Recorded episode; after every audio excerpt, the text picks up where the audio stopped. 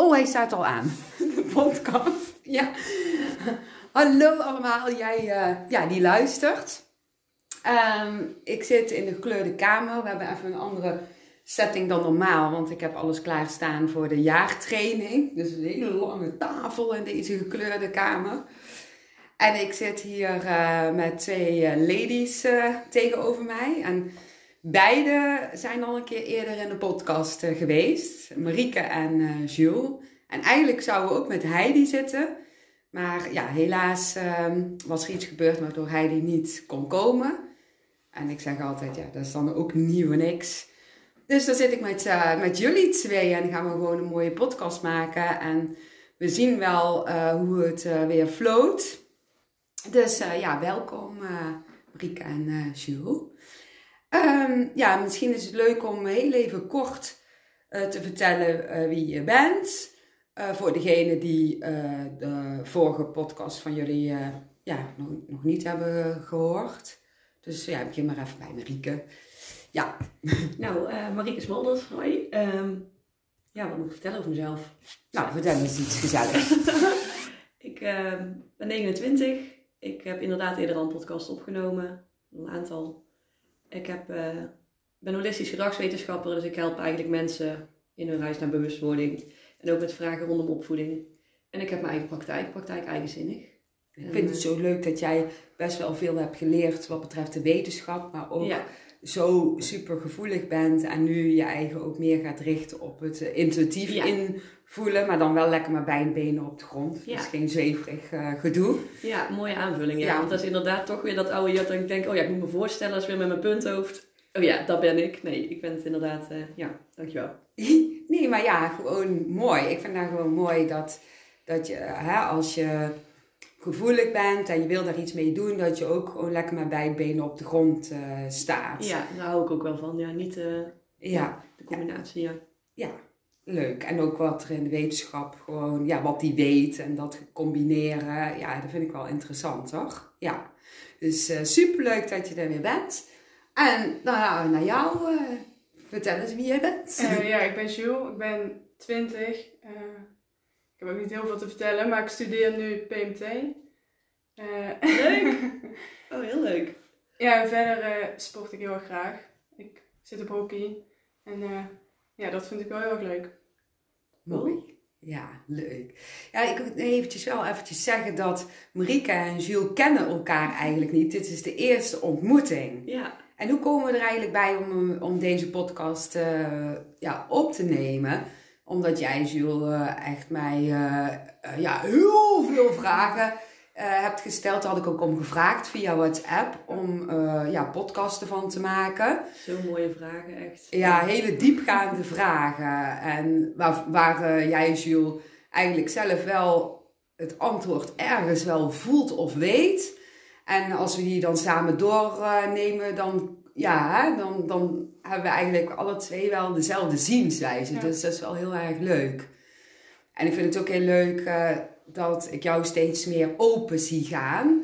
Want in het begin voelde het een beetje zo van hoe spannend en gesloten en durfde je nog niet zoveel te zeggen. En in de tweede podcast ja, kwam je zelf al wel meer, weet je wel. En nu ben je ook hele mooie stukken aan het schrijven over bepaalde onderwerpen uh, die je wilt delen. Via LinkedIn kun je ze zien. Even voor de duidelijkheid, uh, mensen. dus uh, ga maar eens even lezen.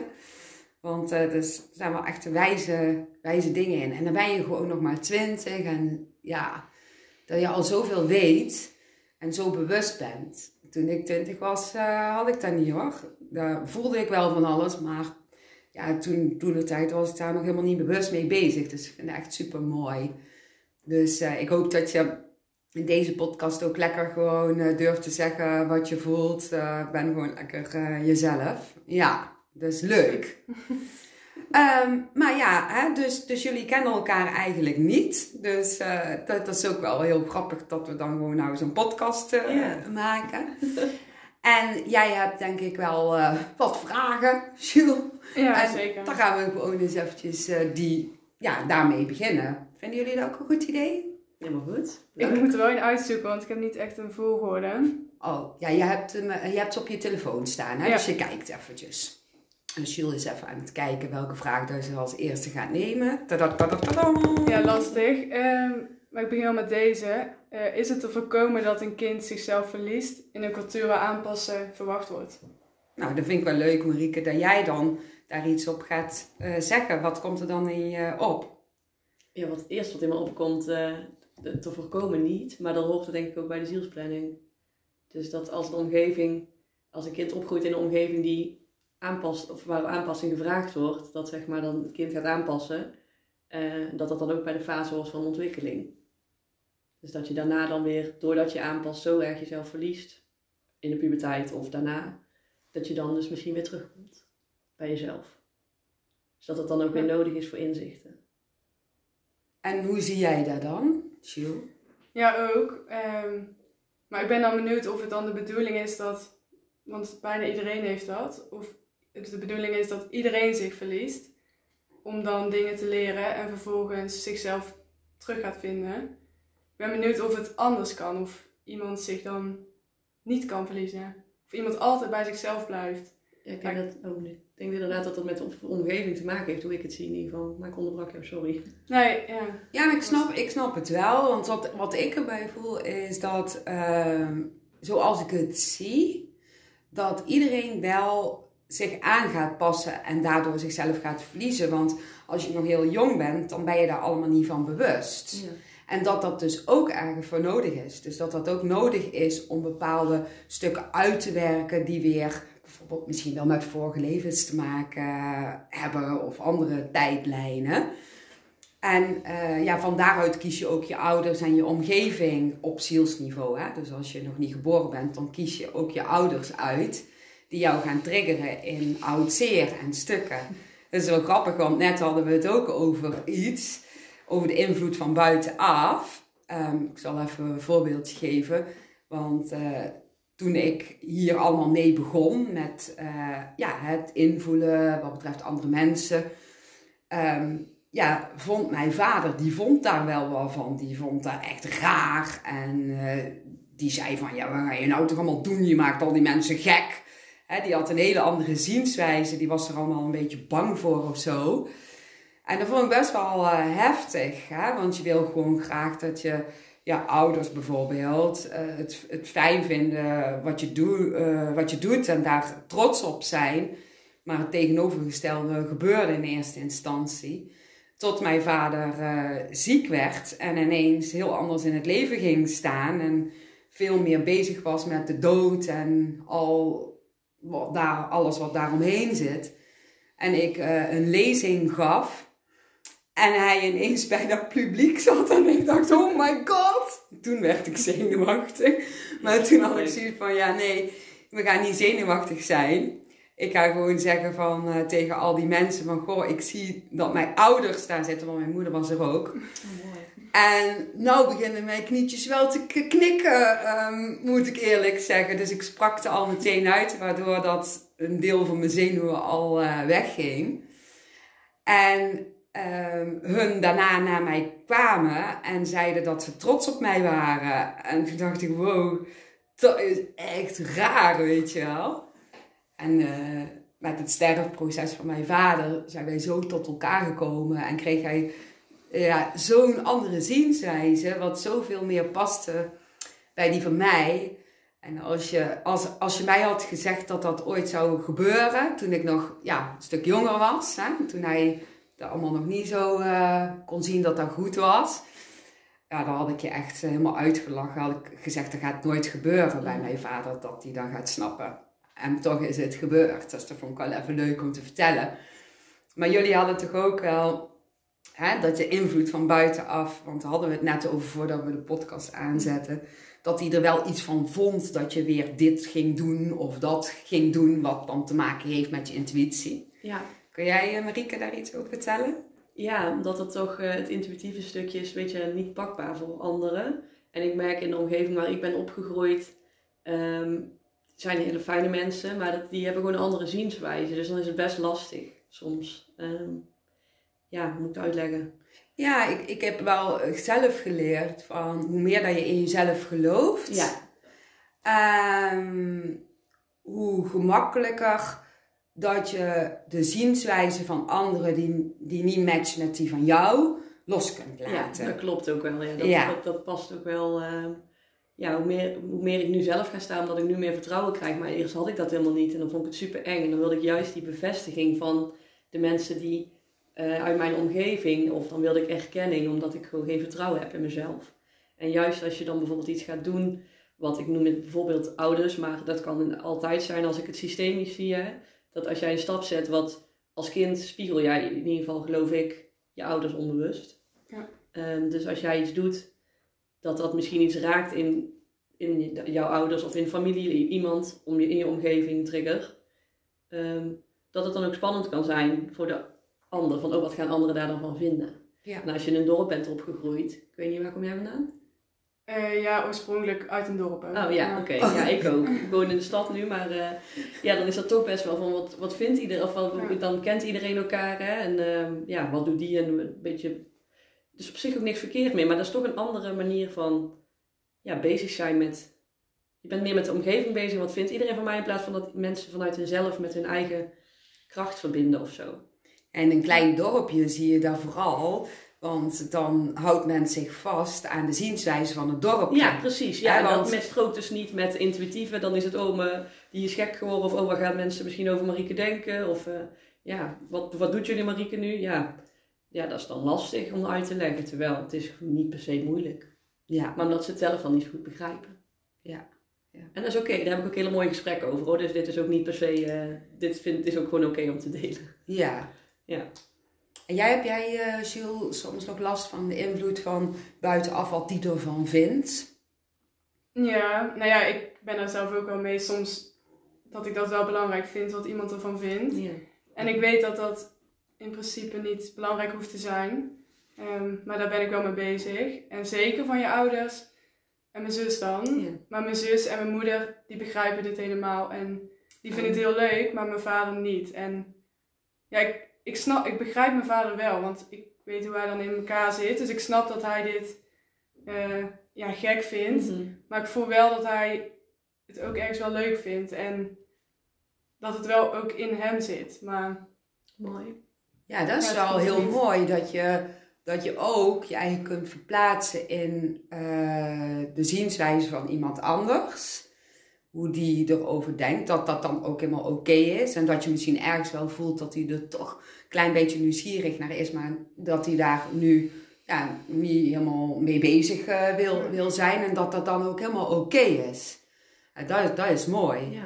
Want dan zou je dat niet oké vinden. Ik heb dat van mijn vader bijvoorbeeld, vond dat wel echt heel erg lastig toen der tijd. En wa- was daar echt niet oké mee. Omdat hij ook wel echt ja, dingen zei tegen mij, ja, waarbij ik me getriggerd en gekwetst voelde. En toen vond ik, eh, daar vond ik wel iets van. Toen dacht ik van, Jezus, heb ik nou zo'n vader? Hoe heb ik dat kunnen kiezen, weet je wel? Zo'n fase heb ik ook wel gehad, hoor. Maar toen kon Ja. ik nog niet het zo zien zoals jij, Jules. Dat jij ook je eigen kan verplaatsen in de ander. Dat, eh, hoe, het voor de, hoe, die zienswijze is. En dat je ook begrijpt van oké, dat, dat is goed. Dat, dat is helemaal oké. en ik blijf toch gewoon bij mezelf. Ik had dat toen nog niet zo hoor, toen ik 20 was. Maar heeft jouw vader ergens ja, spijt van gehad? Dat hij eerst zo naar jou deed? Ehm, ja, die heeft hij niet eh, tegen mij echt gezegd, maar wel op het laatst, eh, wat betreft zijn, eh, ja, als je toen op zijn sterfbed, heeft hij wel ehm, ja, dingetjes gezegd waarbij hij het recht wilde trekken. Want ik ben dan ook van een tweeling. En ja, ehm, hij heeft gewoon heel veel gedaan voor mijn broer. Om mijn broer ja, goed te krijgen. Ja, dat klinkt heel erg wat ik nu zeg. Maar mijn broer, wilde altijd eigenlijk eh, boer worden. En eh, ja, dan ging hij altijd bij mijn oma en alles mee. Maar mijn vader had zoiets van, nee, je moet het aannemersbedrijf overnemen, want dan kun je geld verdienen. Dus hij heeft mijn broer echt ja, veel gegeven. En mijn broer heeft daar ook hard voor gewerkt om dus het bedrijf over te kunnen nemen. En nou heeft hij dus dat bouwbedrijf. En de vraag is of dat hij daar helemaal oké mee is. Ik denk het wel, want anders had hij het niet gedaan. Ah, het diepste zielsverlangen is toch anders geweest. En ja, Eh, als je dan kijkt zeg maar, naar mijn opvoeding, hè, tussen mijn vader en mij, heeft mijn vader me helemaal niks gegeven. Dus uh, die gooide mij altijd in het diepe, ja, zoek het zelf maar uit. En als mijn broer dan iets nodig had, dan kreeg mijn broer dat. En ik moest het zelf maar verdienen. Of het zelf maar uitzoeken. En mijn vader heeft ook heel vaak gezegd van, ja, waar heb ik eigenlijk aan een dochter? Ik had liever nog een zoon willen hebben. Dus er zijn wel echt heftige dingen. Oh. Hij heeft hij ook een aantal keren gezegd waar meerdere mensen bij waren. Dus ja, dan werd ik eigenlijk, dat was helemaal niet verkeerd bedoeld van hem hoor, maar werd ik naar beneden gehaald door ons pap. Dus dat deed heel veel met mij. Maar achteraf gezien ben ik hem daar dankbaar voor, omdat ik daardoor heb geleerd om voor mezelf te zorgen. En in mijn eigen kracht te komen. En dat was niet gemakkelijk, maar dat is me wel gelukt. En dat is wat ons pap eigenlijk op het laatst heel erg zag, inzag. En dat hij ook echt inzag van wow, uh, dat, dat ik eigenlijk ja, heel goed voor mezelf kon zorgen. En dat hij Dennis eigenlijk los moest gaan laten. En dat hij dat heel moeilijk vond, omdat hij bang was dat dat misschien niet goed af uh, zou lopen. Natuurlijk liep dat wel uh, goed af en kreeg hij natuurlijk ook wel zijn leerprocessen. Maar het is uiteindelijk allemaal gewoon uh, ja, goed gekomen. Maar ja, um, ons pap besefte wel heel erg van... Oeh, dat had ik misschien anders kunnen doen. Dat merkte ik aan alles. Hij wilde me ook ineens alles geven. En toen zei ik, dat hoeft niet, pap. Jawel, want ik moet het recht trekken. Ja, en mijn broer die begreep dat natuurlijk ook niet. Want die dacht van, wat gebeurt er nou? Want eigenlijk was hij nu meer Dennis los aan het laten en mij meer aan het geven om het nog even recht te trekken. Vond je het wel fijn dat hij eh, zo veranderde? Ja, dat was echt zo intens liefdevol. Want dat was de vader die ik altijd had gemist. Ja, Eindelijk zag hij mij, wie ik was. En ik zag hem daardoor. Mooi. En eerst zagen we elkaar niet echt. Omdat we ja, elkaar heel erg triggerden eigenlijk. Dus ja, dat is echt het mooiste wat ik mee heb gemaakt. En ook nooit van tevoren kunnen bedenken dat dat zo zou verlopen. Ja, echt heel gaaf. Ik voel hem nou nog. Als, ik, als, je, als je het zegt, ik voel het. Emotie, ja. ja. Ja, heel mooi. Ja. maar oké, goed. Sjoe. Die eerste vraag, wil je die nog eens opnoemen die jij net had? Want uh, daar gaan we nog even op terugkomen. Ja. We wijken even weer uit. Ik ook even kwijt. is het te voorkomen dat een kind zichzelf verliest in een cultuur waar aanpassen verwacht wordt? Nou, ik denk niet dat dat te voorkomen is. Nee. Nee, en dat dat ook nodig is dan. Dat het kind zichzelf uh, verliest.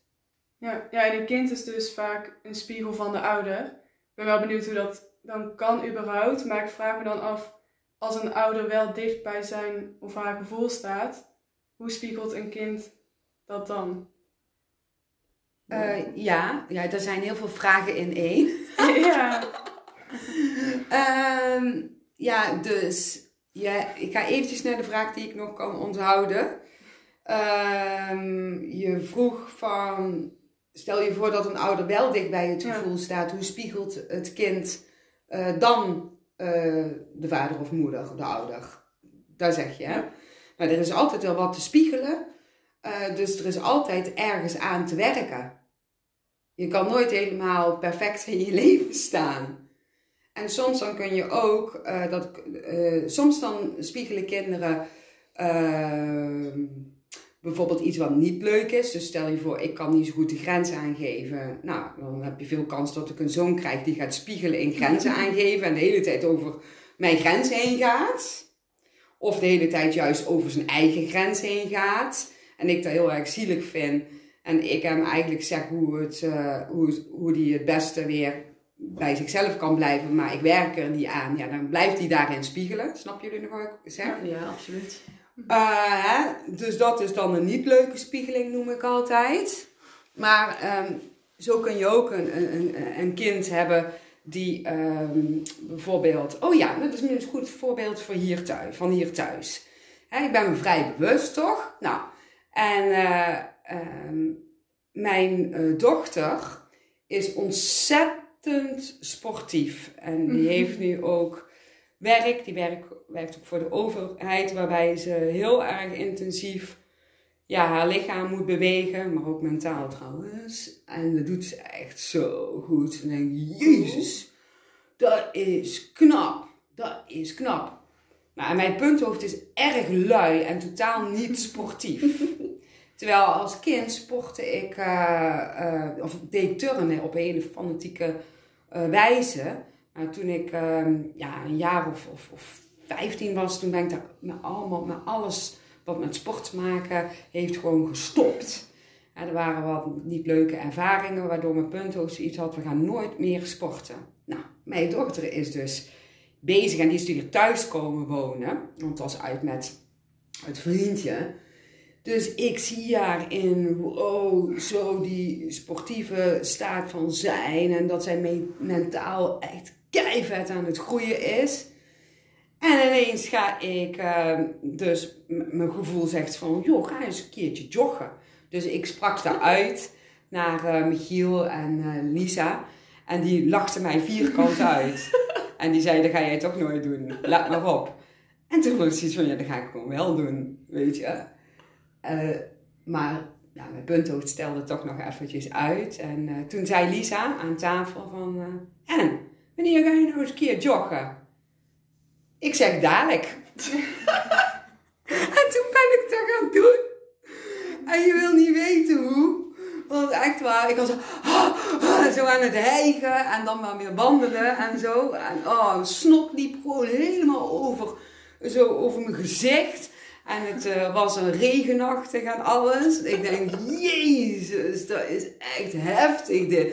Maar hier ga ik wel doorheen bikkelen. Ik voel het, ik voel het. En mijn punt ook, jongen die probeerde mij tegen te houden. Die zei, wat ga je nou doen? Hé, hey, je, je, voelt je lies. Hé, hey, je voelt je knie. Niet doen, want dadelijk heb je een blessure. Hou maar op, hou maar op. Daar krijg je een hartaanval. Hou maar op.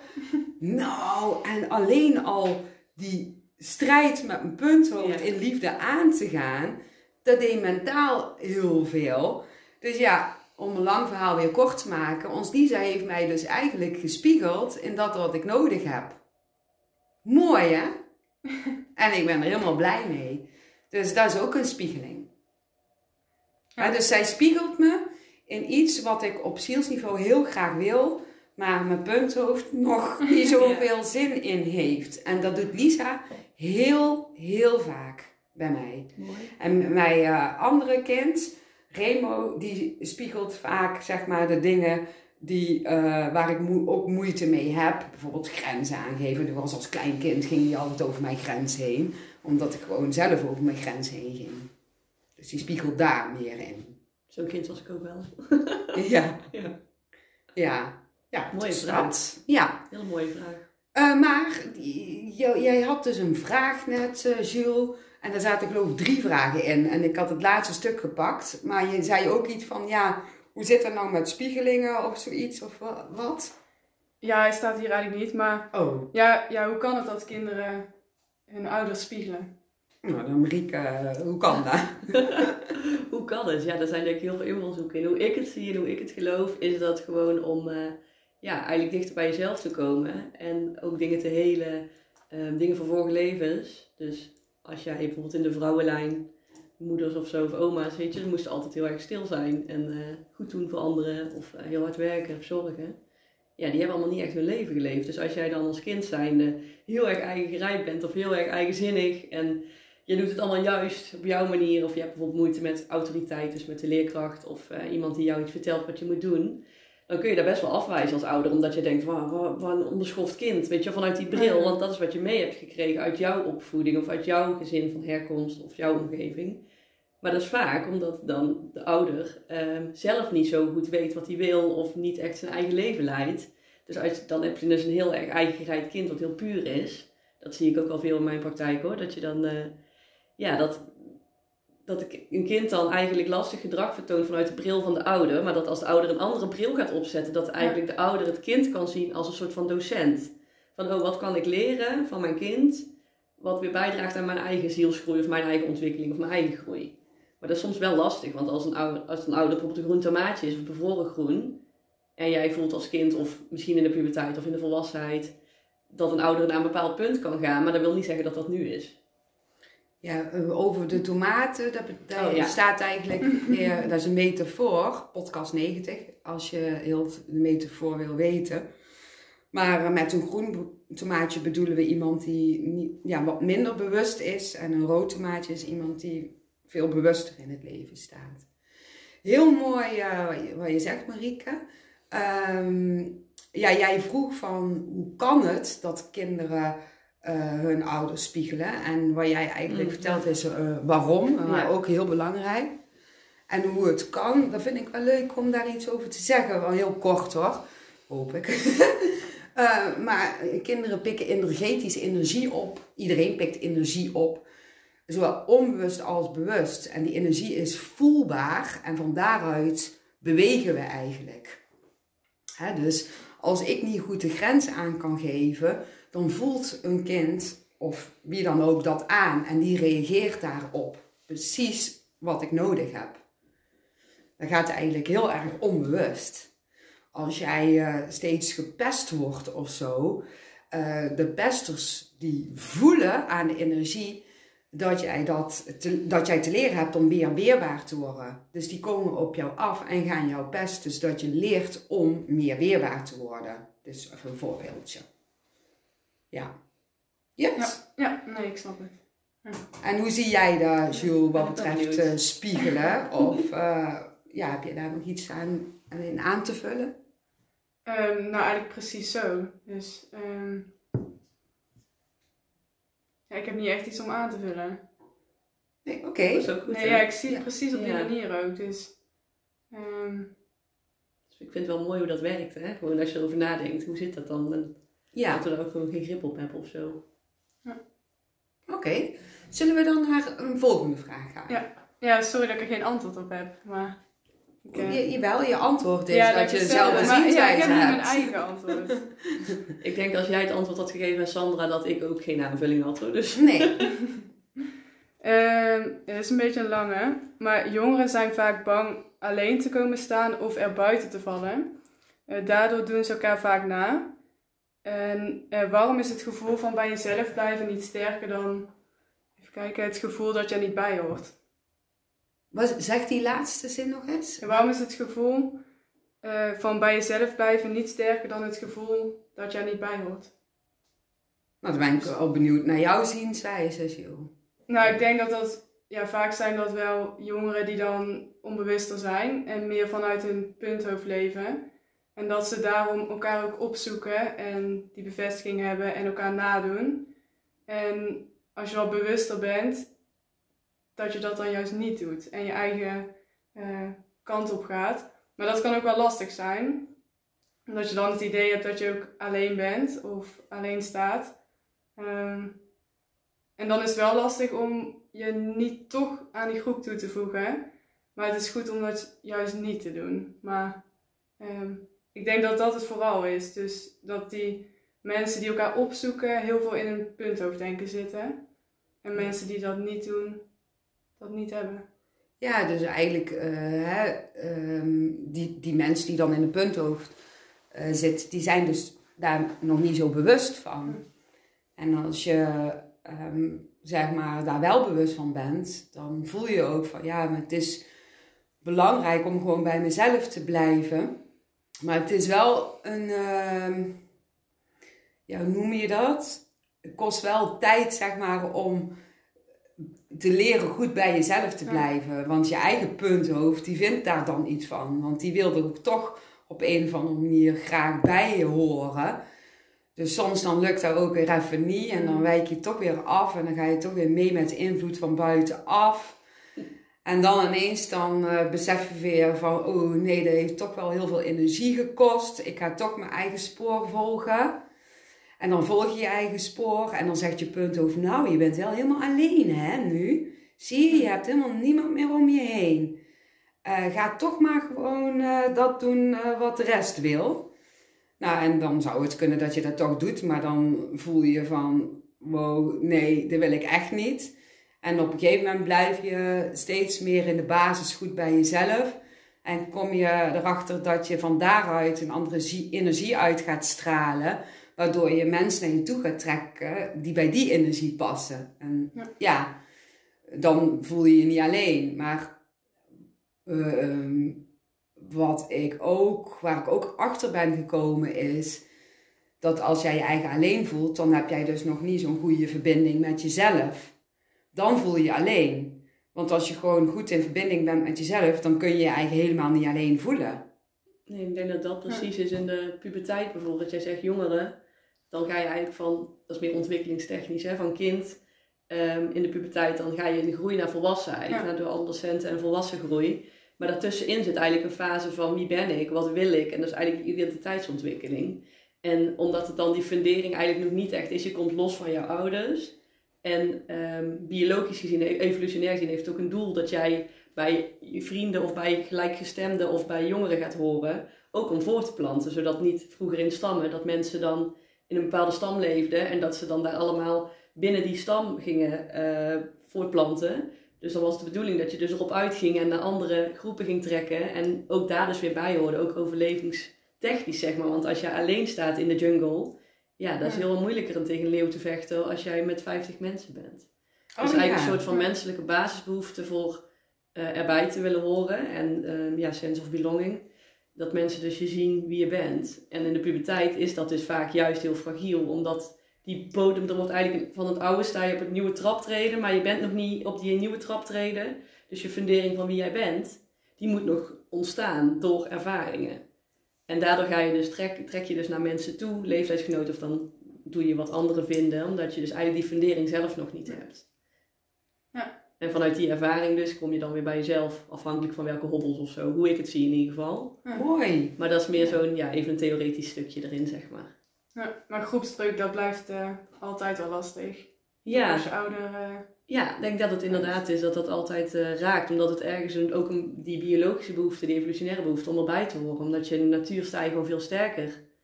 Ja, als jij, als jij een, ja. een, een, rij ijsberen hebt of beren, ja, met een groep met mensen met speren kun je er tegenwerken. Maar als je alleen er tegen moet gaan vechten, ja, dan, dan is je overlevingskans heel klein. Dus ook een oerdingetje. Ja, inderdaad, vanuit je oerbrein, ja. Ja. ja. Is die helder, uh, Ja, voor mij wel.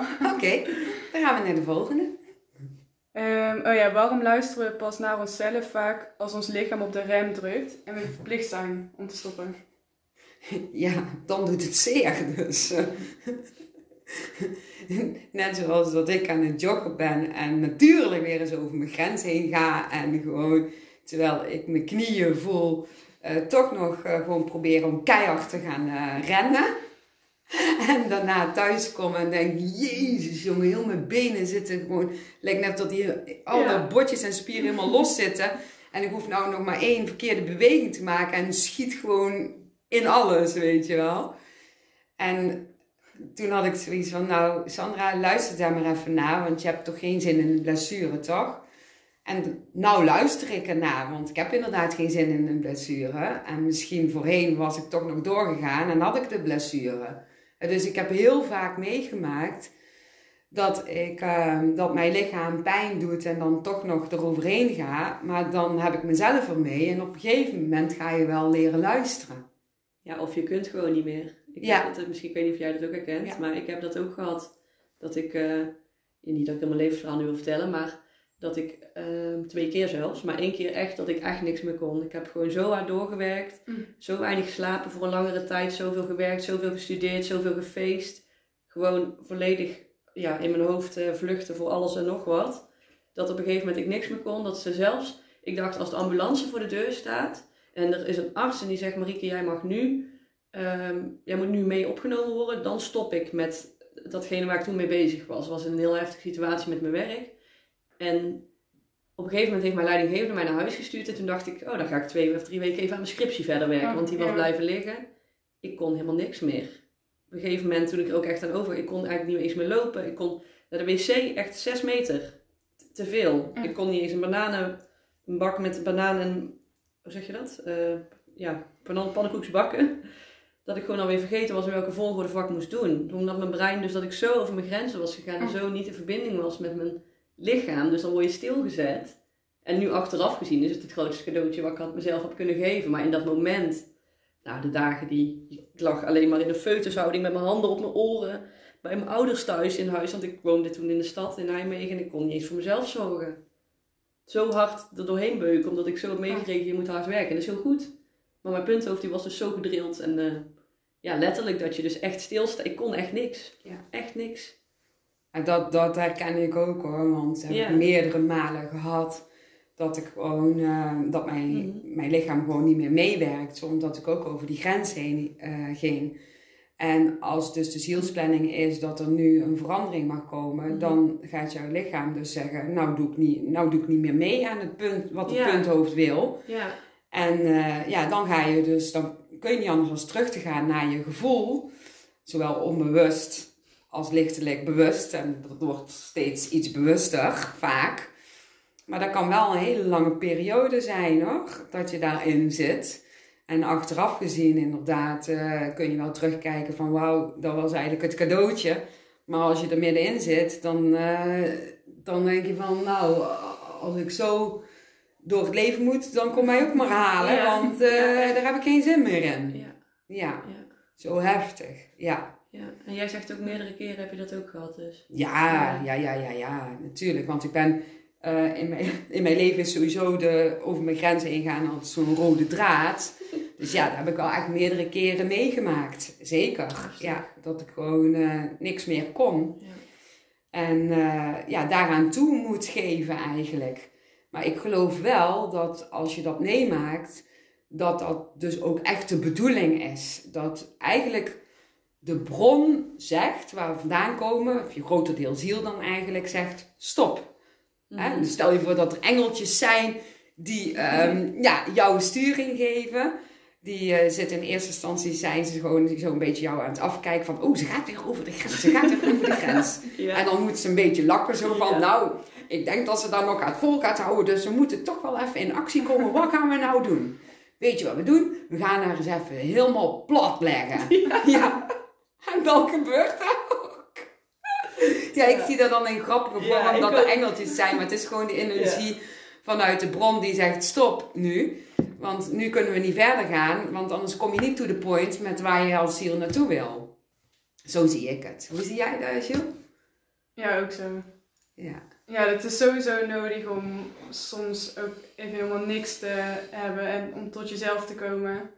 Ja. Ja, en ik denk dat dat ook goed is, gewoon, want nou hebben we het over even heftige dingen. Maar net zoals met de hardlopen, dat is een klein dingetje. Dat je gewoon af en toe momenten ook neemt van rust. En dan weer even wat actief bent. En de ene dag ben je ook meer in de actieve stand. En de andere dag ben je in een wat ja, luiere stand. En dat is niet negatief lui. Want dan zegt mijn punthoofd, lui, lui, lui. Ik wil niet lui zijn. Maar ja, dat je gewoon eventjes nergens geen zin in hebt. En dat dat dan gewoon mag, hè.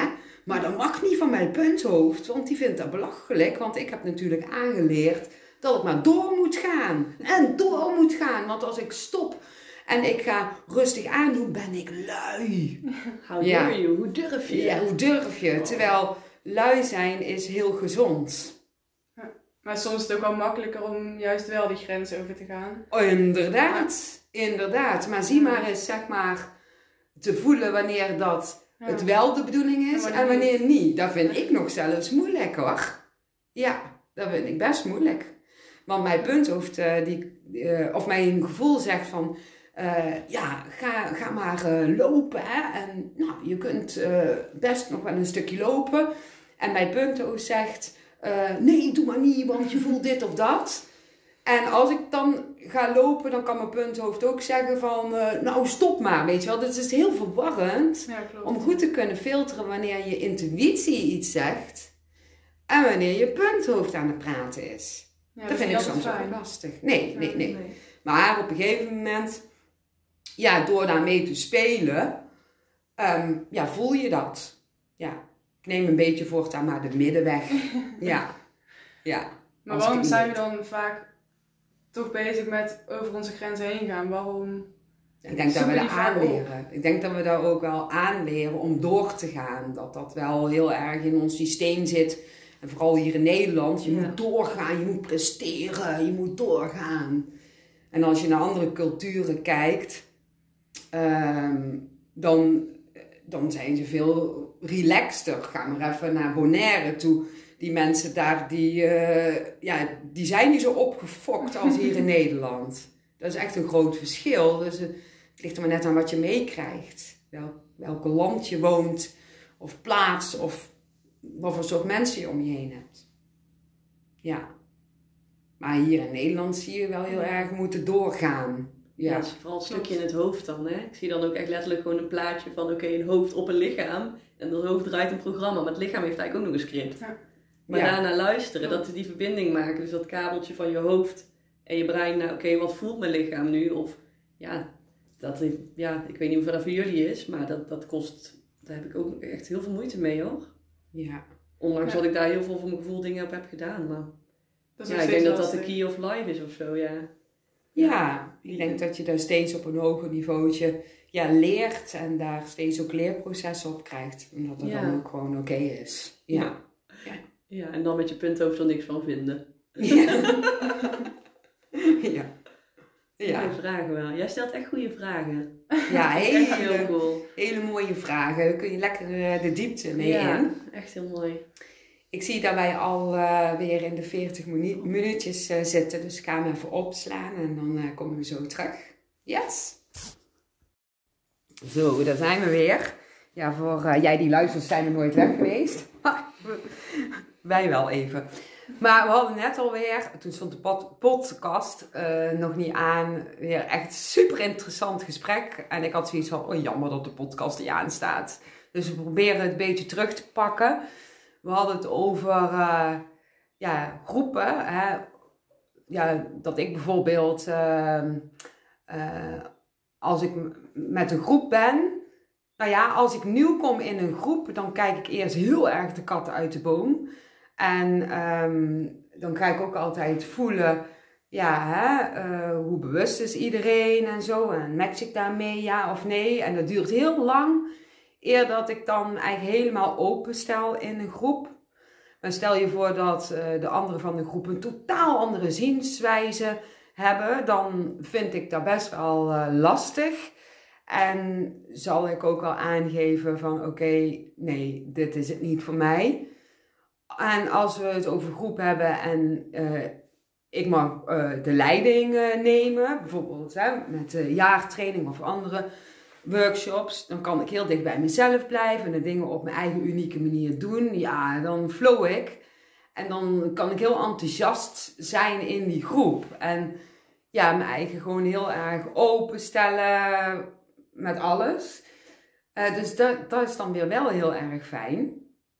Ehm, maar ja, we hadden het dus over, ja, volgens mij begon jij daarmee, Jules, hè? Met, met, die, met die groep. Wil jij er iets over vertellen? Oh ja, wat ik zei dus, dat ik me afsluit in de groep. Oh ja, Of- ja, of ja, was ja. dat er niet? Ja, jawel. Dat jij je eigen dus eh, afsluit in de groep. Ja. En eh, dat je dat ook al ergens eh, lastig vindt, maar op een of andere manier ook weer niet anders kan. En Ja. dat er elke keer gebeurt. Da- daar zo begonnen we. Toen begon ik een beetje te voelen, en Marieke ook. En we hebben eigenlijk alle drie een beetje hetzelfde. Omdat we alle drie gewoon echt heel erg gaan voelen van... Match dit wel, dit groepje? En als het ergens niet matcht, ja, dan voelen we verzet. Ja. En volgens mij zijn wij alle drie typetjes die op ons eigen unieke manier iets willen neerzetten. En als die groepsenergie daar niet bij past, ja, dan sluiten we ons snel af. Hè? Dat, dat toch? Ja, Ja, dat is precies. soms de eerste neiging, hè? Terwijl soms het ook het leerproces is om dan wel ermee om te gaan. Of dan te voelen Ja. hoe het bij je past. Of een, Ja. bewust een keus maken. Oké, ik kies hier nu bewust Oh, voor, ook al matcht het dan niet helemaal. Daar hadden we het ook nog over. ja want En stel dat het je ook voor... nodig is dan soms. Ja, ja, inderdaad. Want stel je voor dat je een opleiding wil gaan doen. En je wil toch gewoon graag een papiertje halen, omdat je dat misschien ergens voor nodig hebt of whatever. Het is gewoon even een voorbeeld. Ja, ik heb dat je- ook gehad. ja, en je- op school ook, ja. Ja, en je krijgt met groepen dus Ja. te maken. Dan, en als je je dan afsluit, ja, dan maak je het voor jezelf en de groep natuurlijk heel erg moeilijk. Want je moet heel veel samenwerken. Dus stel je voor je wil eh, psychiater of psycholoog worden en je gaat daar een opleiding voor doen. Ja, oké, dan moet je heel veel met elkaar samenwerken en samen ook de diepte ingaan. En wat nou als dan niet helemaal klikt met, met, met de groep. Dan kun je er dus voor kiezen om je helemaal af te sluiten. Maar ja, dan denk ik niet dat je het volhoudt als je nog een paar jaar verder moet. Want eh, als je je afsluit, dan voelt de groep dat ook. En die gaat zich dan ook afsluiten van jou. Ja, en dan kom je natuurlijk niet ver. Wat je ook kunt doen, is dat je ehm, je eigen uh, openstelt voor de zienswijze van de ander, maar toch bij jezelf blijft. Dat is hetzelfde als dat ik nu uh, een groep kleuters uh, komt hier binnen en daar moet ik het vandaag even mee doen.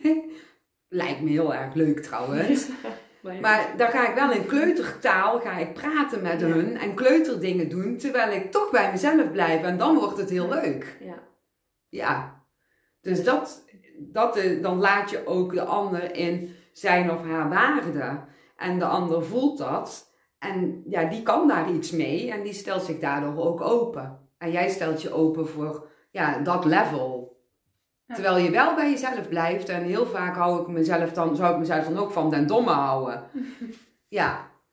Ja, ik heb dat ook in mijn werk al gehad voordat ik hier in de praktijk, of een eigen praktijk had dan. Met ja, de GGZ en in de jeugdzorg. Ja, er zijn toch bepaalde zienswijzes die. Oh. Ja, Marieke, je mag best iets harder praten. Oké, ja, dat is mijn punthoofd. Die vindt dat ik te veel, uh, of soms te druk ben of te veel aanwezig. Maar dat, met mijn praktijk heb ik dat dus ook gehad. En um, afgelopen tien jaar. En die ervaring heb ik ook weer nodig gehad. Om te weten wat ik dus wel wil en weten wat ik niet wil. En ook weer geleerd van oké, okay, um, met stages ook, maar ook met contact met anderen. Van die mensen kun je soms ook wel eens leren. Terwijl ik soms ook in mijn punthoofd dacht van ja, jij, jij voelt, van, ja, snap je dat je ja. dan voelt, ja. je hebt een andere zienswijze of daar zit een oordeel op. Ja, dat je um, punthoofd zegt van, nou, jij bent echt dom dat je Precies, en dan sluit ik, sloot ik mezelf bijvoorbeeld af. Of dan dacht ik van, ja, nee, dat ga ik echt niet doen. Terwijl juist als ik met die nieuwsgierigheid, en dat is iedere keer de beloning, als je dan met openheid en nieuwsgierigheid ernaar kijkt. Heel mooi. Um, en dan een stapje eigenlijk naar voren zet, maar ik moet nou ook aan het kopje denken. Ik heb daar in de vorige podcast met die kleuren, dat je dus je eigen kleur behoudt van jouw kopje. En de ander heeft zijn eigen kleur, maar dat je altijd wel van elkaar kunt leren.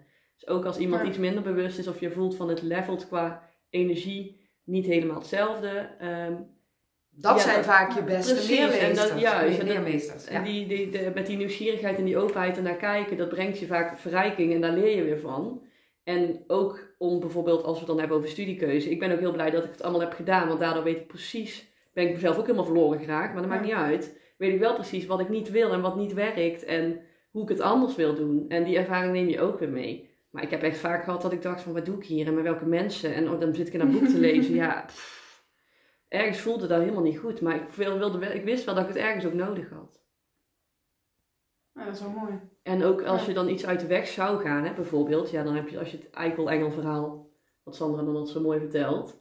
Um, misschien is het juist een mooie les. En als ik dan op mezelf nu even betrek, niet dat ik dan juist die mensen, als je die stap dan zet, dan word je ook weer beloond. Terwijl als je die situatie bijvoorbeeld niet aangaat, dan komt hij op een ander moment wel weer. Dus niet in je studie, maar dan komt hij weer in je privé of in je relatie. Dan komt hij op een ander aspect weer terug.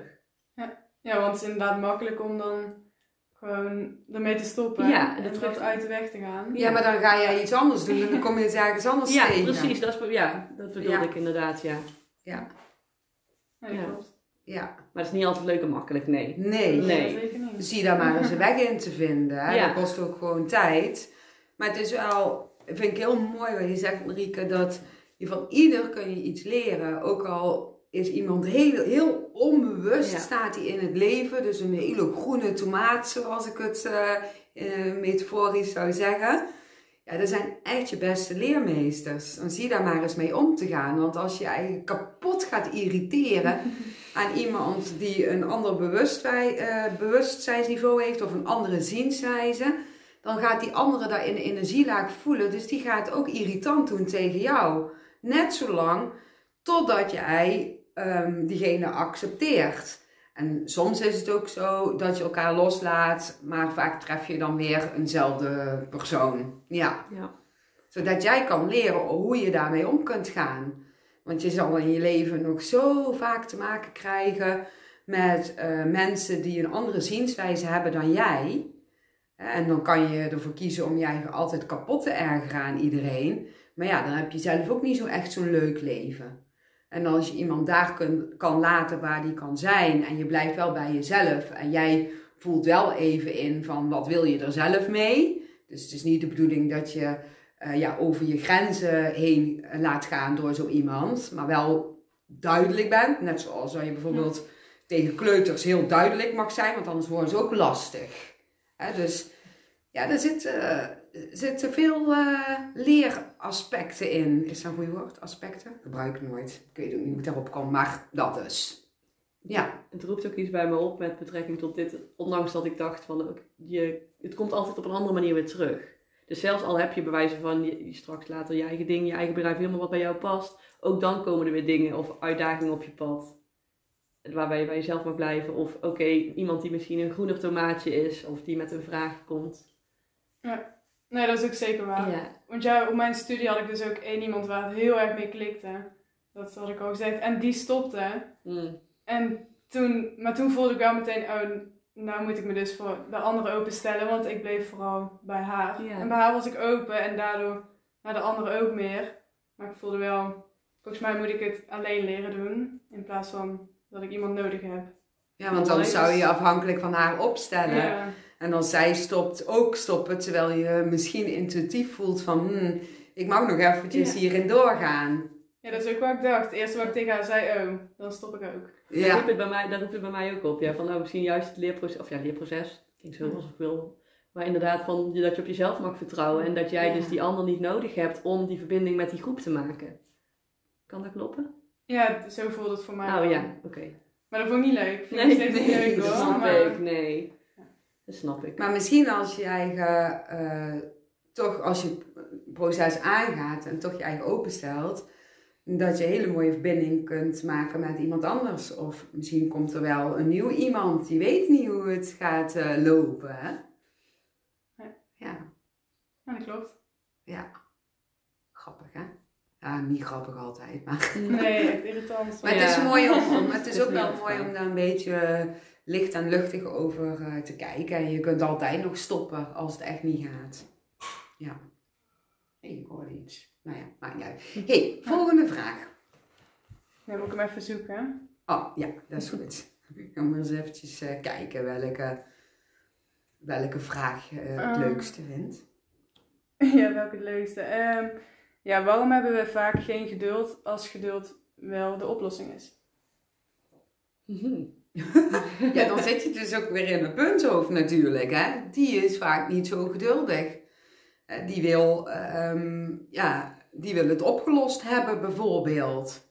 Terwijl eh, je kunt iets niet afdwingen als iets een bepaalde tijd nodig heeft.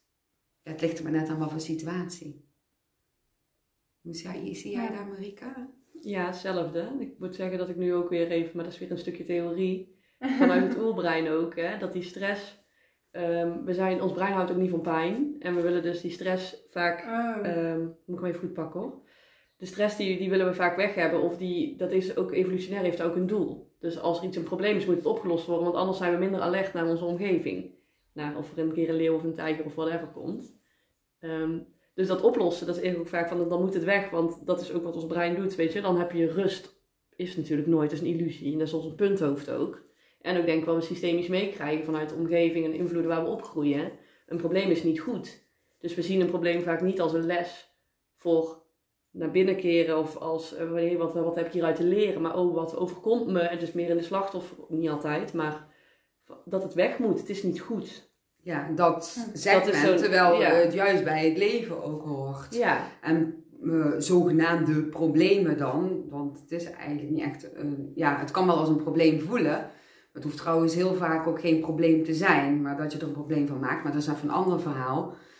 Maar het hoort bij het leven en het komt op je pad en je kan dat niet constant voorkomen natuurlijk. Ehm, want het draagt juist bij aan, eh, aan jouw groei. Ja, en het verdragen van een bepaald gevoel, dat hebben we ook, tenminste hoe ik het zie. Ik weet niet hoe jullie dat zien. Eh, we hebben niet zo goed geleerd om met een bepaald gevoel te zijn, dus te verdragen. Ik merk dat ook vaak in mijn eigen buik hoor, dat ik dan iets niet oké vind, dan, dan spant mijn buik Ja. zo samen of onder mijn navel of mijn rug. Dan kom je zo onder spanning te staan en dat, dat, dat hebben we niet leren verdragen. Dus dat willen we dan wegduwen of wegstoppen en dan moeten we het, gaan we het dus met ons hoofd oplossen. Terwijl het is vaak gewoon even zakken, zijn, gedachten gewoon laten gebeuren en weer contact maken met je lijf. Tenminste, hoe ik het zie. Ja, ja zo zie ik het Ja, want vaak word je onrustig als je dat Ja, gevoel hebt. Maar het is inderdaad ook maar hoe je er naartoe kijkt. ja, Hoe je, wat je gedachten zijn, dat maakt ook wat je kan voelen, zeg maar. Als, als je heel negatief naar iets kijkt, dan, dan voelt dat ook echt zo. En als je dat, Ja, dan voel je je ook negatief. ja, ja. Dan straal je er ook uit. En dan krijg je nog meer op je pad, zeg maar. Maar dan moet je, ja, dan daarmee moet je wel weten wat je script is, zeg maar. Dan moet je weten, ik leg dat ook vaak in mijn werk wel uit, gewoon de verbinding tussen gedachte, gevoel en wat je doet. En dat je niet je gedachten bent, maar dat je gedachten Hm. hebt. Dus als je zegt, ik ben dom, of het- ik ben stom, of ik, ben- ik heb het verpest. Nee, ik heb, ik heb de gedachte dat ik dom ben. Of ik heb de Ja. Dan heb je er ook weer grip op, anders overspoelt die emotie en dan zit je vast in die emotie. En dan krijg je dat, hoe ik het zie in ieder geval, dat ja, je punthoofd en negatieve denken, zo'n negatieve spiraal. ja dat klopt. Leuke vraag. Ja. Ja. Volgende. Ehm, even kijken.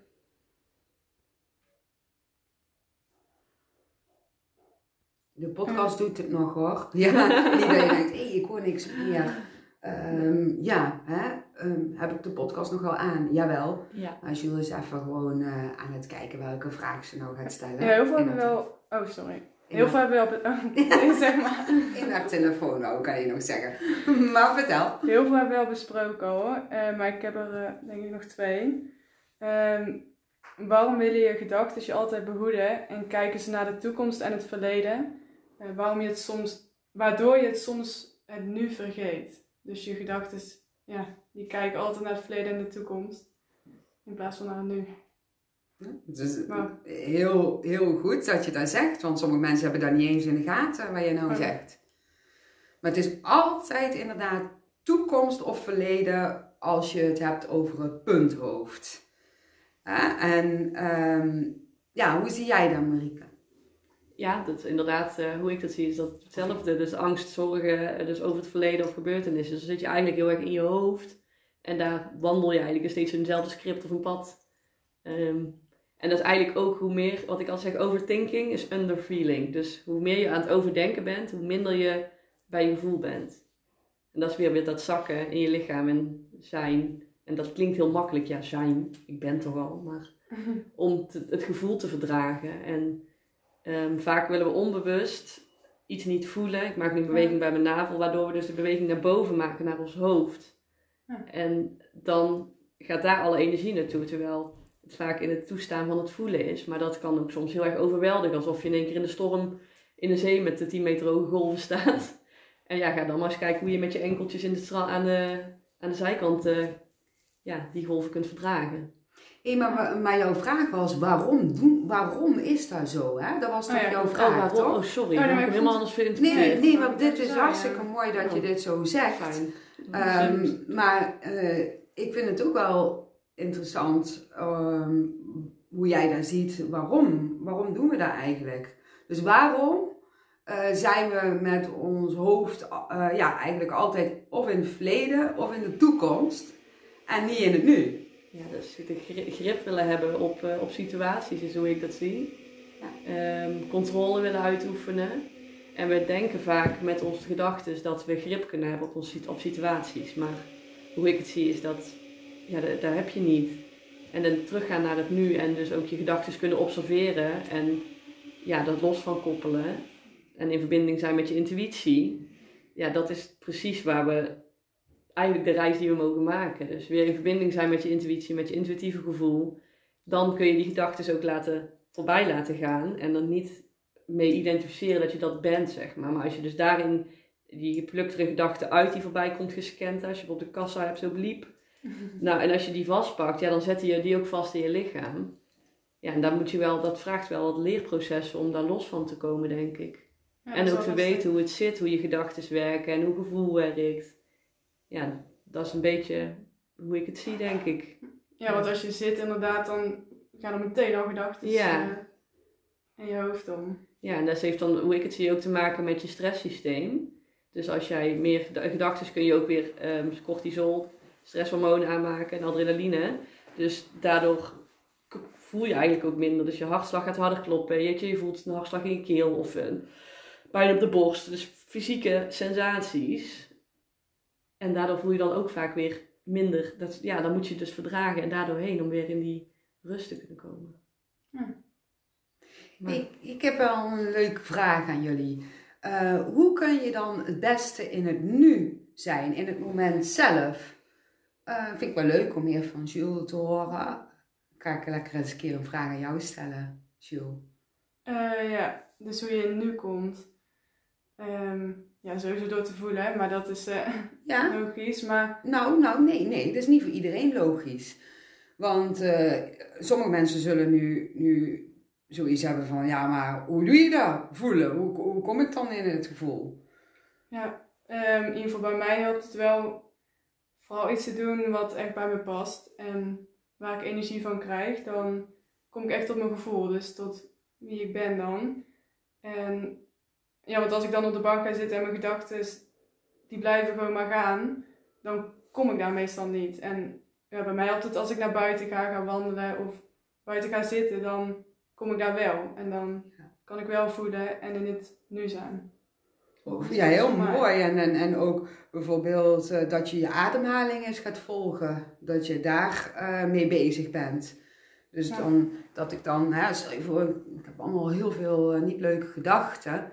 Dan ga ik eh, wat dieper ademhalen. En dan reis ik eigenlijk als het ware mee met mijn ademhaling. En dan adem ik in. En ik doe net alsof ik meereis met die inademing tot mijn buik. En daar hou ik hem heel eventjes vast. En dan adem ik weer uit. Daar helpt voor mij ook. Oh, sorry, dat is jouw voet. ik deed even voetje vrij met Marieke onder de tafel. Maar ja, er zijn dus best wel maniertjes, zeg maar, om weer terug te kunnen gaan naar, naar je gevoel. En, en bij jou, eh, eh, Marieke, als je het hebt over van, ja, hoe kom je dan toch weer bij het gevoel uit als je veel in je hoofd zit? Wat doe jij dan? Ja, ik ga ook vaak naar buiten of in de natuur. Ja. Ehm, soms mediteren, soms juist even bewegen. Ehm, of ja, opschrijven, dat je dus even de gedachten van je afschrijft, zodat er dan weer ruimte komt. Ehm wat doe ik nog meer? Ja, ademhaling ook sowieso. En focussen op eh, ja, mijn zitbordjes. Dus voor mijn gevoel dat ik dan in mijn heupgebied een mandje heb en ik denk, oh ja, zit ik daarop? Oh ja, voeten naar de grond. Want als ik vaak in mijn hoofd zit, is voor mij in ieder geval een signaal dat ik ook niet goed gegrond ben. En dat vind ik altijd heel lastig, omdat ik heel snel, ja, een beetje tussen, tussen aarde en eh een groot deel ziel soms tussenin zweef of zo. Dan merk ik ook dat ik in mijn hoofd zit. En ik vind het nog steeds heel lastig hoor. Dus, eh, en dan met iemand mensen praten helpt voor mij ook. Mensen waar ik energie van krijg. Daar even van, goh, ik merk op dat ik deze gedachten heb. En dat iemand mij dan een spiegel geeft van, goh Marieke, dit verhaal gaan we nu niet meer hebben. Dit is precies weer zo'n oud patroon van jou. Eh, ik ga je nu gewoon stopzetten. En dat vind ik ook fijn. En wat, eh, wat bij mij ook helpt, is, dan ben ik weer even Sandra, maar dan horen jullie misschien wel het verschil. maar ehm, op het moment dat ik heel veel eh, gedachten heb, die naar de toekomst leiden of eh, verleden wat niet leuk is, eh, ga ik ook vaak, dus ik, nou, nou komt het in me op, ehm, even met mijn punthoofd in gesprek. Hè? Dus dan ga ik bijvoorbeeld even wandelen of ik ga even, even ergens lekker zitten. En dan zeg ik tegen mijn punthoofd, nou vertel het maar eens even allemaal waar jij mee zit. Hè? Mooi. En eh, dan ga ik gewoon eens luisteren. Dat is ook een moment van nu nee, in het nu zijn. Van nou, ik luister nu gewoon eens even naar wat hij allemaal te vertellen heeft. In plaats van dat ik wil dat hij ophoudt en door blijft schreeuwen.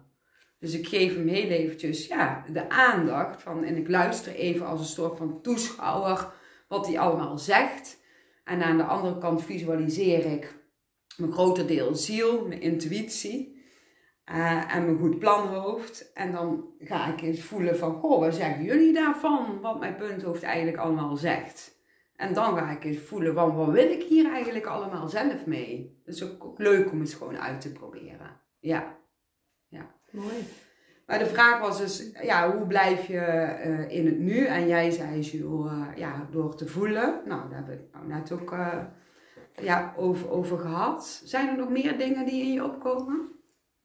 Nou, soms misschien even gewoon, ja, dat is eigenlijk hetzelfde, maar gewoon stil zijn, zeg maar.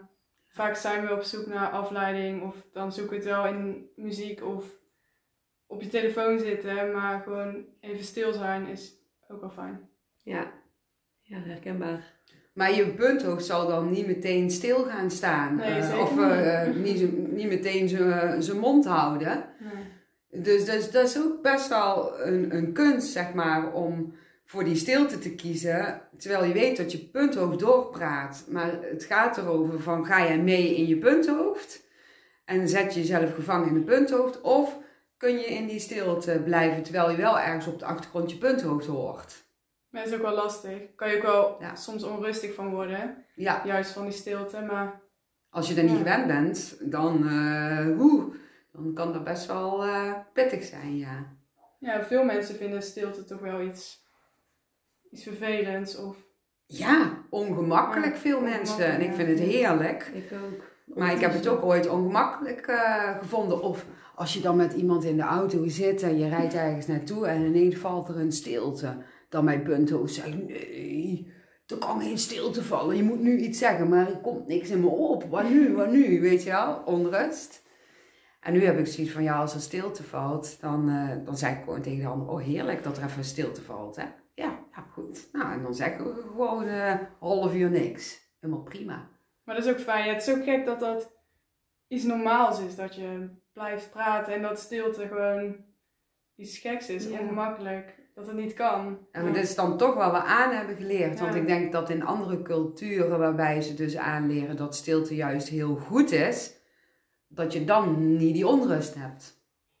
Ja, en het is juist fijn dat je mensen hebt waar je gewoon stil bij kan Ja. zijn. Ja. Maar dat voel je dan ook wel, hè? dat is een heel Ja. andere verbinding. Ja, ik herken dat wel, ja. En ook als je, als je dan vriendschap hebt, dat je ook je eigen niet verplicht voelt om bijvoorbeeld elke week elkaar te bellen of elke oh, ja. dag. Oh, Maar dat je als je elkaar een jaar niet ziet, dat dat Ja. ook gewoon helemaal prima is. Ja. Alleen, met, alleen, zeg maar, zo kan ik vriendschap hebben met iemand. Maar als Ja. iemand van mij gaat verwachten dat ik de hele tijd ga appen of ga bellen, of eh, meteen eh klaarsta als er een punthoofdverwachting is van iemand, ja, dan haak ik af, hè. Ja, Ja. hebben jullie dat ook? Ja, ja, absoluut. Jules klinkt echt heel Ik erg. ook. Ja, heb ik Ja, ook. ja. Kijk, dan ondertussen misschien heb jij dat ook wel dat je dan bepaalde mensen, dat je misschien vroeger mee optrok en dat je denkt, oh dit matcht echt helemaal niet meer. Ja, En heel dat je- erg. Ja, en dat je van, van wie krijg je energie en dat dat soms ook wel lastig is, want het is ook een beetje een rouwproces om mensen afscheid te nemen of zo. Maar als je dan weer in, even dat hen los laat komen, er weer nieuwe mensen op je pad. Ja. Waar je dan wel weer energie van krijgt. Ja, klopt. Ja, er zijn ook sowieso maar weinig mensen waarmee ik dat echt kan. Ja, eens. Ja, dat is bij mij ook. Ja, eens. Ja, die, ik denk twee mensen waarbij ik echt dat kan hebben. Terwijl heel veel mensen zullen denken van, nou Sandra heeft heel veel mensen om zich heen waarmee ze dat heeft. Ehm, maar dat is helemaal niet zo. Ik heb wel heel veel mensen om me heen. En met de een doe ik dan weer eens dit en met de ander dat. Mm. Maar zo kan ik ineens gewoon ja, daarmee stoppen en dan weer me eigen verbinden met iemand anders. Maar er zijn echt maar ja, twee mensen waarbij ik echt ehm, al heel lang contact heb. En dat dat gewoon ja, echt zo'n zielsconnectie is en levelt nu op dit moment. Ja. Mooi. Terwijl eerst eh, vond ik, want dat had ik ook maar zo aangeleerd, van je moet wel een hele groep vrienden hebben, hè. Want als jij geen vrienden hebt, dat is niet goed. En hoe meer vrienden jij hebt, hoe beter, hè. En Oh, nu ja. heb ik zoiets van, ja, maar nee, dat, dat klopt voor mij helemaal niet. Want, ah ja, ja, als ik nou een vriendengroep zou hebben, nou, dan zou het heel knap zijn als iedereen een beetje hetzelfde level heeft. Ja, maar dat, dat, wordt gewoon, eh, dat wordt gewoon een lastig dingetje volgens mij voor mij. Ja. Maar sommige mensen zijn er wel helemaal oké mee met een vriendengroep en vinden dat heel fijn, hè? Eh, om eh, zich te verbinden met hun. Dus er is niks mis mee. Maar als dat niet bij jou matcht, ja, en je gaat dat toch doen, dan schiet het natuurlijk niet op. Ja.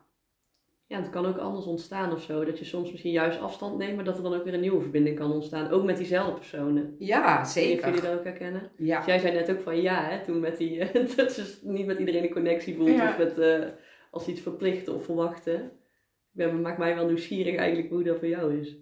Jules, nou, Ja, vertel. wacht. Even Als je kijken. wil. Ja, wil je het nog één keer opnieuw herhalen? Want Ja, want die mensen met de verwachting, wat het begon eigenlijk over het stukje punthoofd en verwachting van mensen in je Ja. omgeving. Als ze dan, eh, Oh ja. ik weet ook niet hoe we hierop komen, maar Dat maakt niet Nee, uit. weet ik ook niet. Maar nee, dat vind ik zo vervelend. Verwachtingen. Maar Ja. dat...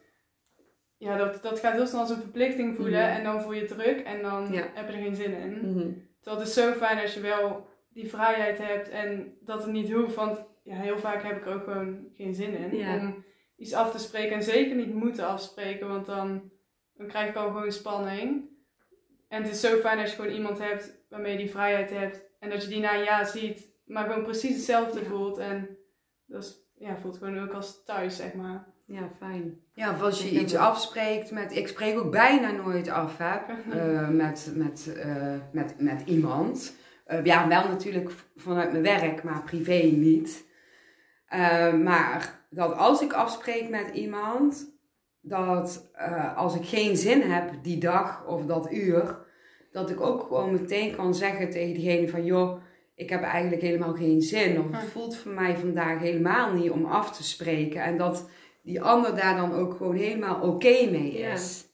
Ik zou daar helemaal oké mee zijn als eh, iemand dat bij mij doet, omdat ik weet dat dat dan nodig is en dat dat ook de bedoeling is.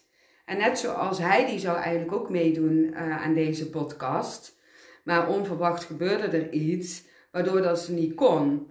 En dan vindt ze dat, volgens mij, vond ze het toch nog wel, lastig, want wilde ze ook gewoon heel graag erbij zijn omdat ze het leuk vond.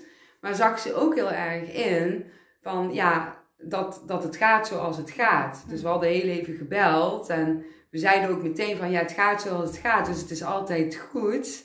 Maar misschien dat hij die punthoofd dan wel eh, dacht, dat is nou wat ik invul, hè? misschien is het helemaal niet zo, maar het zou wel kunnen zijn dat je punthoofd dan zoiets heeft van, oh dat vind ik dan wel lullig voor Sandra Mhm. hoor. Kan ik dat wel maken, weet je wel? Dan zou mijn punthoofd wel Ja. zeggen als ik iets afzeg. Maar ik weet als geen ander dat het dan ook de bedoeling is. Want zou ik dan dat toch doen, ja, dan ga ik over mijn grens heen en dan voelt die ander dat en dat is ook niet goed voor de ander. Dus het is juist heel goed om alleen iets te doen als jij op dat moment er ook zin in hebt. Want als jij, daar, als jij weerstand voelt en je gaat het toch doen, straal je eruit Ja. kost het jouw energie, maar de ander gaat het ook energie kosten. Ook al heeft de ander het misschien niet meteen in de gaten en heeft die verwachting van jou. Dat roept het bij mij ook op met mijn verja- verjaardag. Was toevallig met oud en nieuwjarig. En ik ben iemand die de laatste jaren steeds meer nee zegt en ook gewoon niet komt of naar feestjes. Oh, ik was ja. eerst overal altijd bij. Hè. Ik was eh, non-stop, ging door. En dat dus drie vriendinnen een berichtje hebben gestuurd van... Hé hey, lief schat, ik kan er niet bij zijn. Of oké, ik heb drukke kerstdagen gehad, veel prikkels. Eh, en een andere vriendin die in verwachting was. En dat ze ook zei van, ik heb niet zoveel energie meer. En dat ik ook echt dacht van, oh, ik vind dat echt zo fijn en zo Ja. dankbaar.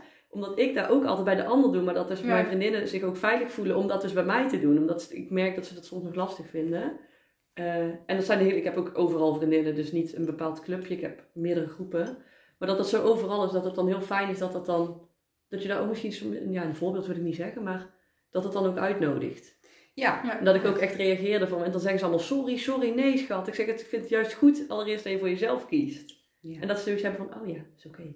maar niet iedereen kan het zo zien, hè? Want als je zelf in je punthoofd zit en je bent hier dus niet bewust van, eh, en je hebt een verwachting van iemand, dan wil je dus heel graag dat iemand, ehm, ja, hoe zeg je dat nou? Eh, nou ja, ik ga gewoon even een voorbeeld geven, dat is misschien gemakkelijker.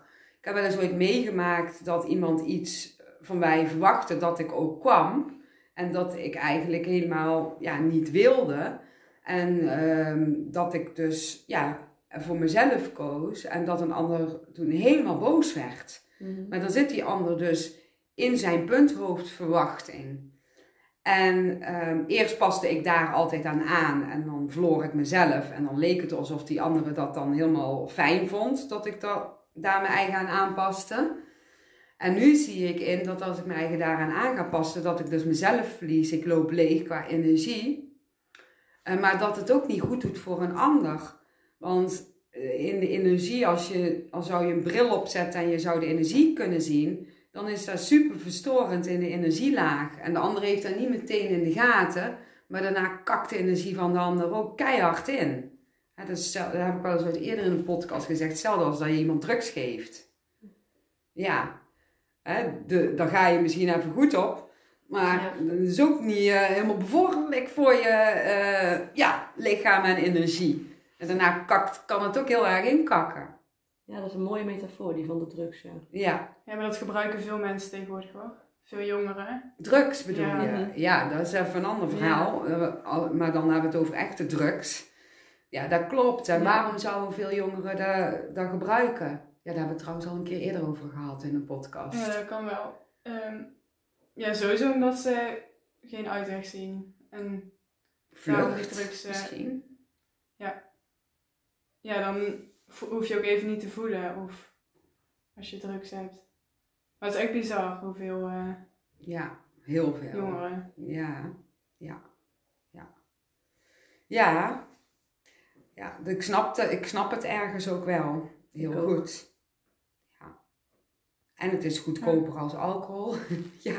Ja, dat Vaak. is het. Toevallig hoorde ik dat laatst ook iemand inderdaad uit Ja. een dorp waar ik vandaan kom. Die zei echt, eh, Ja. Als in de kroeg zelfs, weet je, of jij nou een avondje in de kroeg... Ja, nou goed. Ja, dat scheelt heel veel. eh.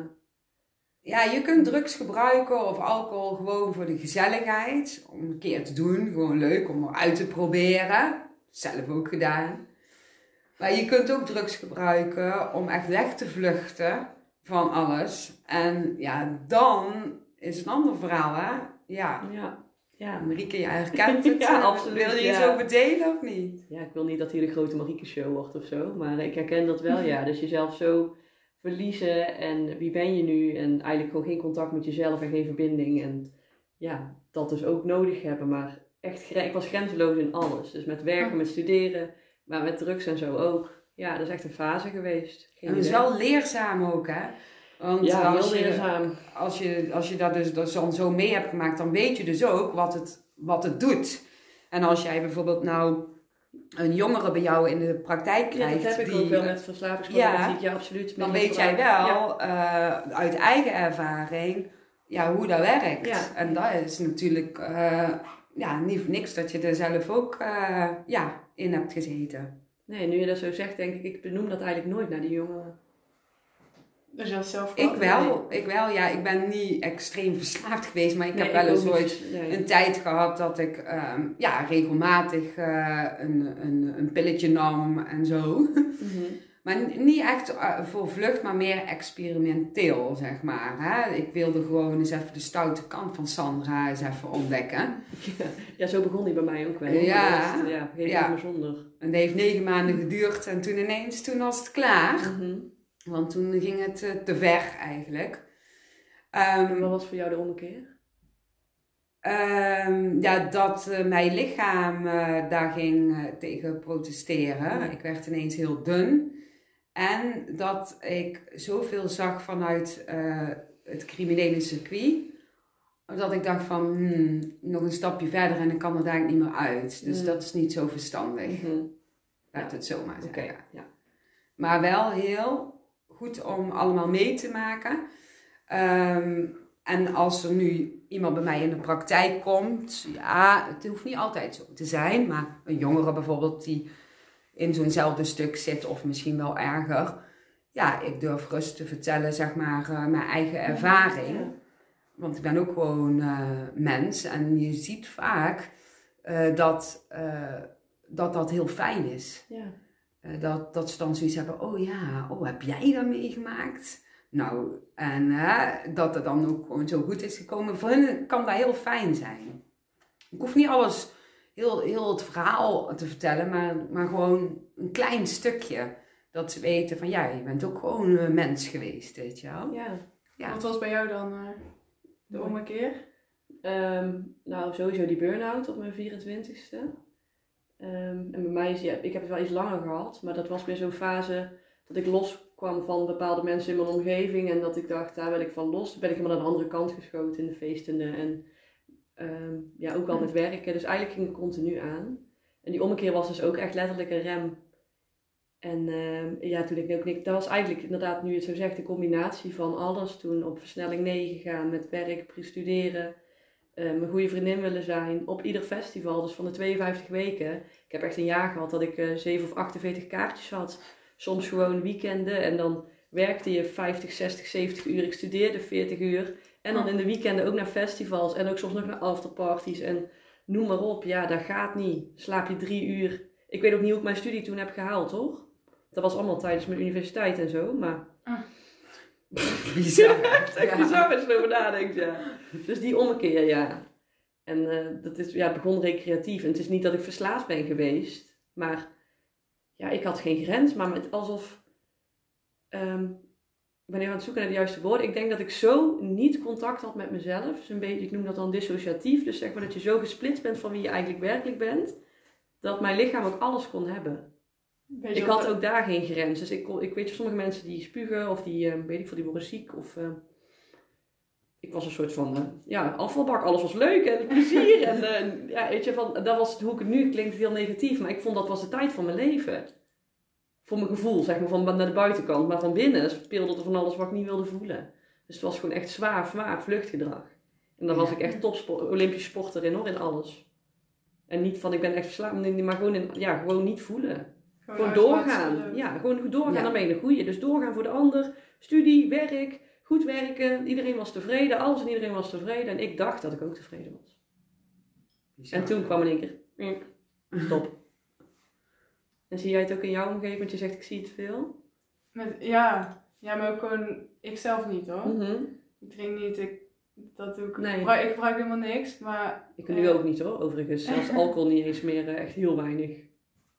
Maar ja. En ook ouderen, gewoon van ehm ja, 50, dat ik denk, hoe kan dat? Maar soms denk ik ook dat die mensen moeten ook hun gevoelens niet voelen, want dat komt ook te dichtbij. Ik denk dat dat, dat ze dan soms beter wel kunnen drinken, omdat als zij wel doorvoelen, dat dat hun te kapot gaat kan maken. Ja, dat kan ook. Ja. Dus niet om alcohol goed te praten, maar soms hebben mensen dat denk ik wel nodig. Ja. Eh, ik denk ook dat het inderdaad, wat je ook zegt, dat het vaak ook onbewust is. Dus niet bewust, ook voel me zo, ik moet nu dit hebben, maar ook voel onrust. Of, oh, ik heb er weer zin in. Ik heb een drukke week gehad. Nou, dan kunnen we lekker weer, eh, lekker weer feesten of zo, dit weekend. Ja, En in dorp is het sowieso erger. Met, in ieder geval hoe ik het ervaar met, eh, Met drank. En, ja, maar ook gewoon op mijn leeftijd dat, dat ik denk, oh, die drinken soms zoveel. Dat ik Mm, denk dat is gewoon, gewoon vergif wat je in je lichaam eh, ja. zit te drinken. Maar Toen ik zo oud was als jou, had ik, was ik daar echt niet bewust van hoor. Nee, ik denk veel mensen Echt, niet. nee. nee. nee, is wel, ja, ik vind het wel mooi hoe jij daar dus... eh, niet dat wij heel veel schelen, maar... Ja, ik heb daar heel veel hobbels voor nodig gehad tot, tot dit inzicht te komen, zeg maar. En voor sommige mensen is die ervaring, ja, nee, niet voor sommigen. Ik denk dat die ervaring altijd wel nodig is als je dat gaat doen. Maar dat het altijd verschillend is waarom. Ja. Eh, ja, en dat je daar later pas achter kan komen. Ja, en ik vind het als jonger ook ja, geen probleem. Ja, dat hoort dan, ja, hoort een beetje bij de leeftijd als je nog jong bent. Uitproberen. dat. Uitproberen, Dus ja. daar vind ik ook niks van. Maar ja, ik vind het wel bizar. Ja. Als je erover nadenkt, het is, het is gewoon vergif. Ja. Ja. hey, ik zie dat we weer 40 minuten zitten. 41 minuten inmiddels over. Dus we hebben eigenlijk nog ja, vijf minuutjes ongeveer. Ehm, maar had je nog, nou nog één vraag, of niet? Ja, maar die hoeft, dat hoeft niet hoor. Nee, zullen we dan gewoon een, een beetje zo even richting afsluiten gaan? Dat vind ik wel leuk nog om eh, ja, te vragen aan jullie van, ja, zou je nog iets mee willen geven aan degene die nu luistert? Dan begin ik bij Marieke als eerste. Het eerste wat nu in me opkomt, dat is iets toevallig waar ik gisteravond over nadenken was, dat je, ja, dat je niet alleen bent in bepaalde stukken. Dat je ehm, ja, soms dingen mag voelen en ook misschien mag onderzoeken voor jezelf wat je punthoofd is. Als we het dan even overkoepelend over dit hebben. Hè? En ook, eh, ja, van wat doe je om van strategie om bijvoorbeeld niet te hoeven voelen of zo. Ja, Ah, oké. roept het een beetje bij me op. En dat het oké is om eh, door bepaalde stukken heen te gaan, dat dat ook weer nodig is voor bepaalde groei. In plaats van dat weer af te wijzen of zo. Ja, dat het altijd goed is. Ja, dat het het ook altijd gaat. goed is. Ja, en dat je precies, je bent precies daar waar je, waar je mag en moet zijn. Ja. Ja. En ook als je nu ergens in de put zit of je hebt het idee van ik kom er niet uit of het lukt me niet. Weet in ieder geval dat er altijd mensen om je heen zijn. Dat je altijd om hulp kan en mag vragen. Maar dat er ook vaak al mooiere tijden in het vooruitschiet liggen. En dat die put, dat je daar alleen maar uit kunt klimmen eigenlijk. Ja, Ja, klopt. dat voel ik. Dat, dat was het. Komt nu even in me op. Oké, en, en jij, Jules? Ja, ja, dat was ik net aan het opzoeken. Maar ik heb wel ja, een gedichtje. Die heb ik niet zelf geschreven hoor. Oh, maar je hebt een mooi Ja, gedichtje Maar niet, ja, gewoon Wat gevonden. Ehm, Dan ben ik wel benieuwd. hij past er wel bij, denk ik. Oké. Oké, ik zal hem voorlezen. Eh, onthaast, vertraag, ontzie, ontjaag. Bevrijd de tijd van dwang en druk. En vind jezelf in klein geluk. Oeh, ik krijg Oh, ook. kippenvel moment. Ja, wat mooi. Oh, ik voel nog een schokje in mijn benen. Heel Heel mooi. gaaf. Heel mooi. Nou, ik vind het ook leuk om tot slot nog een leuk briefje te pakken, ieder.